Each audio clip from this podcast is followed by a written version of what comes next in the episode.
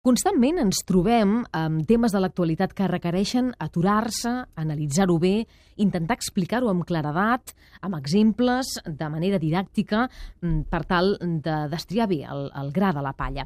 Per això hem volgut crear aquest espai, eh, l'economia i empresa, per això li hem dit anem al gra, perquè mm, volem eh, posar aquests punts sobre les is i, i parlar de forma molt directa sobre qüestions com ara, per exemple, l'anunci de Mario Draghi, el president del Banc Central Europeu, eh, que diu que començarà a comprar deute bancari.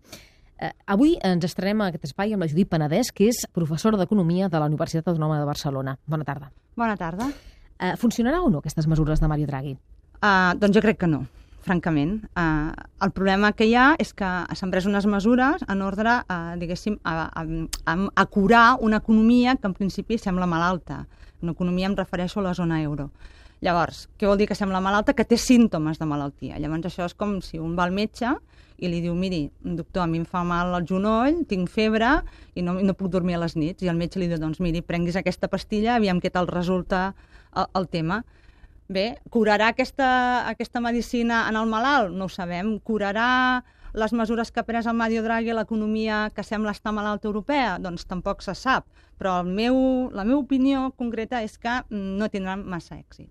Als mercats no els hi va agradar gens i, i es podria haver fet millor?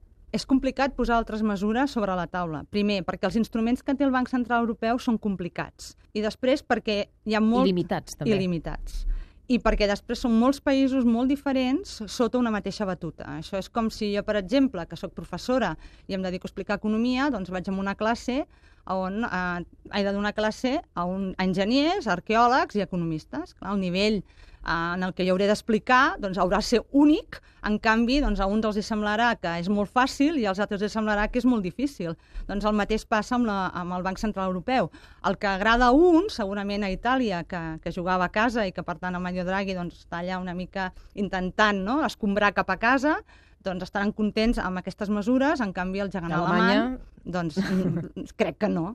Eh? Uh -huh. Els que sí estaran contents, i això crec que aquí sí que no m'erro... Em sembla que sé per on vas. Xipre, Xipre i Grècia. I Grècia. No? perquè tenen els bons escombraria, que és aquests bons que en principi tenen un, un, un risc molt alt de, de no ser tornats, de no ser pagats pels governs, llavors que clar, que el Banc Central digui que compri aquests, aquests bons en les mateixes condicions que la resta de països com Alemanya, doncs clar, això es fa molt contents els grecs i els cipriotes.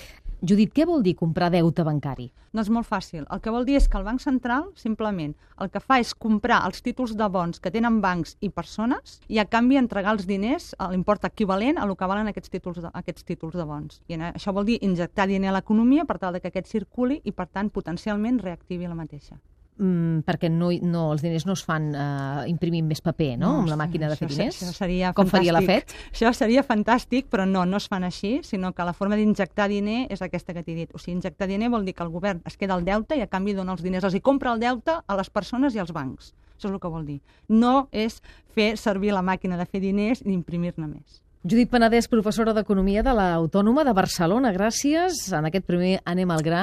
Fins la propera. Gràcies. A vosaltres. Gràcies.